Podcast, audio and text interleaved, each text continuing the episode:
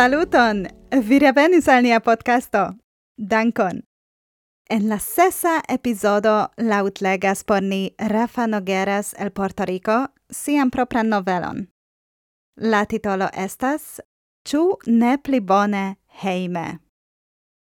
En tiu ĉi unua laŭtema serio de Bobelarto ni laŭtlegas noveloin de la unua novelaro de la intercultura novelo concurso.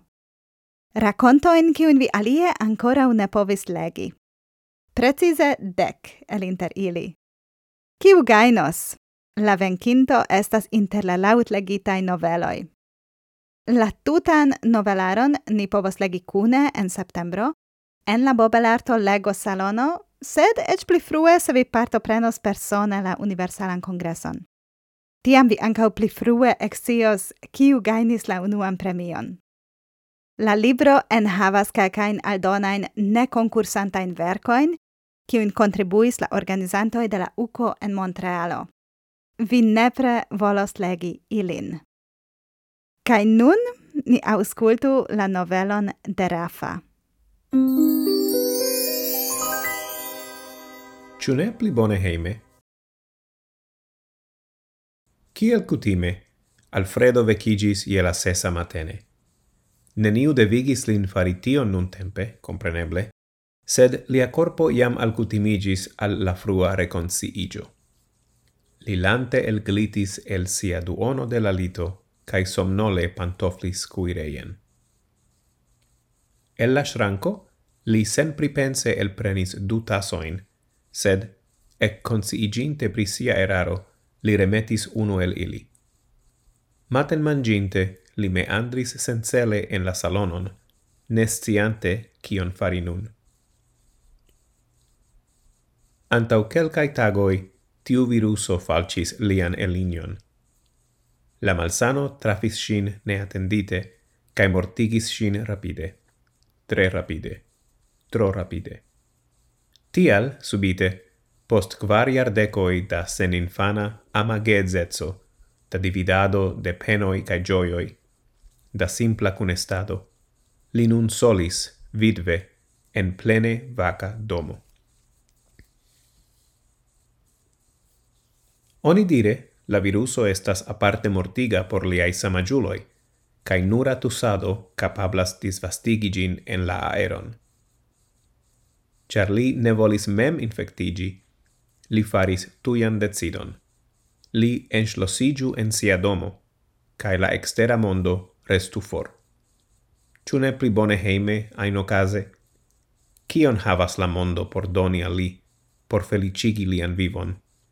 Ci ja forprenis lian elinion, lian solan vivkialon, kaj poslasis a li nur duon malplenan liton, silentan domon, cae cruele sen finan vitson da sencelai tagoi. Se diri la veron, Alfredo estis deciama heimemulo. Li havis nenian problemon sidi en sia fotelo, cae pasigi la tutan tagon legante. Nur Elinio foi foie capablis successe el foteligilin por rendevui amicoin, iam de longe forpasintain au translocigintain, au por mangi ce naibaraja restauratio. Nun, che tian instigon viruso vorprenis de li, Alfredo havis nenian kialon eliri el sia domo, cae forlasi ties shirmadon. Tial li preparis sin por isolita vivo, plena de pazzo, silento, cae neniu alia homo. Sentio che li ec devu meti piedon exter sian domon, li havis cion cion li besonis por vivi. Elinio suffice lerte manovris interreton, cae antauvidinte sian forpason, si antaumendis por li mangiajon, liverotan ciu semaine recte heimen. Alfredo devis simple malfermi la malantauan pordon lunde matene cae, quasau magie tut semaina provianto estis iam tie. Lia post emeritigia pensio automate deponigis en lian banco conton, cae ciui liai monatai heimai elspezoi same automate deprenigis de tiu sama conto. Felice, li vere devis zorgi pri nenio, com kiel alfronti tiun domon malhavantan lian edzinon. Kiel distrajo, technologio ne utilis al li. Li ne spertis pri computiloi, post telefonoi au ec televidiloi, kai Kial lerni li age ancau ne utilus ausculti radion au legi jurnaloin. Lia vivo jam suffice tristis, ca la novajoi neniam venigas felicion. Tamen, la plei simpla plesuro mergigi en attentoraban romanon ja iom mildigis la enuon vegeti la tutan tagon, tagon post tago. Do, Li comencis vori la libroin kiui plenigis liain bretaroin, malatentitain cae nelegitain dum jaroi. Iun tagon tamen, Alfredo ec conciis pritio, che liam legis ciun libron en sia collecto. Quelcae el ili certe meritis relegadon, cae tiuin li relegis. Sed venis la momento ciam li ec consideris rapidan visiton alla promendistanza urba biblioteco por restoci siain bretaroin. Li memoris che unu el la dejorantoi ciam reconis lin, cae plevolonte helpis lin electi taugain legindajoin. Sed, fin fine, li decidis nee. Tio postulus resignon de la doma securezzo, eventuale dangeran forlason de tiu oracagio quiu tenis lin sana, samgrade, kiel gi tenis lin sola. Tiui tagoi en memisoligio semainigis, cae la semainoi baldau monatigis. Ciu tago identis alla aliae, cae estis iam nenombreblas in sequo el ili. Ciam tiu telero fracasigis, dum li lavis la vasaron? Ciu la pasintan semainon? Ciu la pasintan monaton? ne gravas. La tacnoctoi spaliris sen fine, sen compate, sen eligne, cele al finfina saxtrato nomita morto, quiu tamen ne venis, tamen ne venis. Memoroi pri Elinio si egis Alfredon tra la tuta domo. Iamai banalajoi ciui subite gravigis pro sia foresto. Ciel si emis dismeti multpezzain puzloin sur la salonan tablon, sed neniam facte completigis ilin, kiel si sen pripense cantetis mallaute dum si sen polvigis la mebloin, kiel si sidis ce la scribotablo dum horoi por verci leteroin al siai amicoi cae parenzoi. Elinio cieis maleste, la chambroi plenis de si, vace. Prescau iaro passis, ecte ciam Alfredo decidis protecti sin cae prifaifi la ceteran mondon, ca la decido videble pesis sur lin.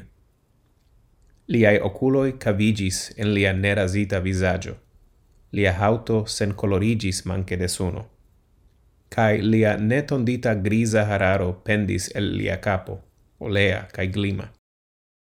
Traleginte ciuin el siai libroi iam plurain foioin, li ne plus ciis cion fari por senigi sin je tiu prema suffoca samtagezzo, kiu si egis lin de tiom longe. Li comencis demandi sin, valoras la penon resti ancora heime. Ciu ne pli bone custumi ian liberon extere inter aliai homoi, ol daure sperti solezon endome inter la samai quar muroi? Cial celi al securezzo cielain timante malsanigion, cae resigni cian homan accompanon cae consolon. Li fin fine concludis che li ne plu capablis elteni sian ermitetson, che li ne povus resti en sia logeio ec unu plian tagon, accompanata nur de re tralegitae libroi, polvo covritae bretaroi, cae la memoroi de Elinio, hantantai ciun lian passion. Ciu si volus che li velcu morne en la ombroi, au che li floru gaie sub la suno. Fin decidiginte, Alfredo tui comencis plani sian baldauan liberon. Li unue celos la etan cafeion cium li cae Elinio frequentis semain fine, cie la kelnerino ciam sidigis ilin apud la fenestron, cae tre afable babilis cun ili. Poste, li visitos la urban bibliotecon por akiri freshain legajoin, cae poste li iros al tiu naibaraja parco, cie ili foifoie promenis duope post la vesper mangio. Alfredo excitite malfermis la cefpordon, ciu, manche de uso, cnaris resiste. Ciam li elpasis exteren sur la perono, li tui enspiris la freshan aeron cae giuis la varman sunon kiu logis lin pli foren el la domo, liberecen. Ciam li atingis la trotuaron tamen, haltigis lin maskita polizano, kiu tiu momente patrolis lau la strato. Ho, signoro, quien vi iras? Ĉu vi ne aŭdis, la registaro hi erau decretis trud isoligion pro COVID-19? Pardonon, sed cio estas tio? scivolis Alfredo, surprizite. Kiel eblas ke vine audis pri pri dec nau cae la tutmonda pandemio? Skeptike ricanis la polizano. Ciu vi cascigi sub stono dum la pasinta monato? Fakte, mi estas heime ecte ciam mia edzino mortis pro gripo, antau presca unu iar, Nu, mi bedauras pri tio, signoro, sed giuste nun vi devas reiri heimen, cae resti tie gis la registaro decidos, ke estos secure eliri. Rendomigiu mi petas, La polizano gentile, sed ne chanceleble, pelis Alfredon reen en la domon. Cai tute malatentante la senesperon en ties oculoi, li aldonis senzorge. Ciu ne pli bone heime?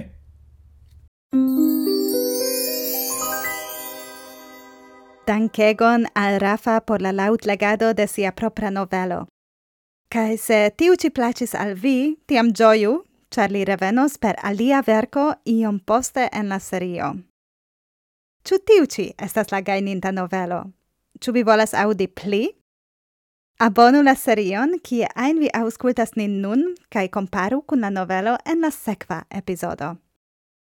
Vi povos legi senpage anca la raconton de Rafa, ĉu ne pli bone heime, en la novelaro de Amo, Tuso kai Forpaso, se vi abonas la novaĵleteron de Bobelarto, eniaretaio bobelarto.inc. La septembre novesletero havos la podofon de la novelaro.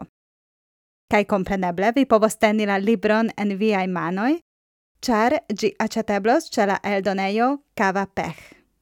Do, se vi emas subteni Esperanto-kulturon, tiam nepre aĉetu ankaŭ la libron, sed vi ja ricevos la podofon senpage. Se vi volas esti en la sekva novelaro de Ink, tiam viam povas sendi al ni via novelon kun la temo Nocta Voyaggio char la dua intercultura novelo concurso ocasas precise nun. Iru alla red pagio de Inc por la detaloi. En la prescribo de tiuci episodo vi trovos ciu indigiloin. Ne forgesu. Bobelarto estas la plei mojosa comunumo de literatur amantoi. Dankon, ke vi estas parto de ĝi. En la sekva epizodo revenas la utlegi por ni Jaes el Peruo, kaj legos finalistan rakonton el Svedio. Dankon, ke vi aŭskultas nin. Ĝis la sekva novelo!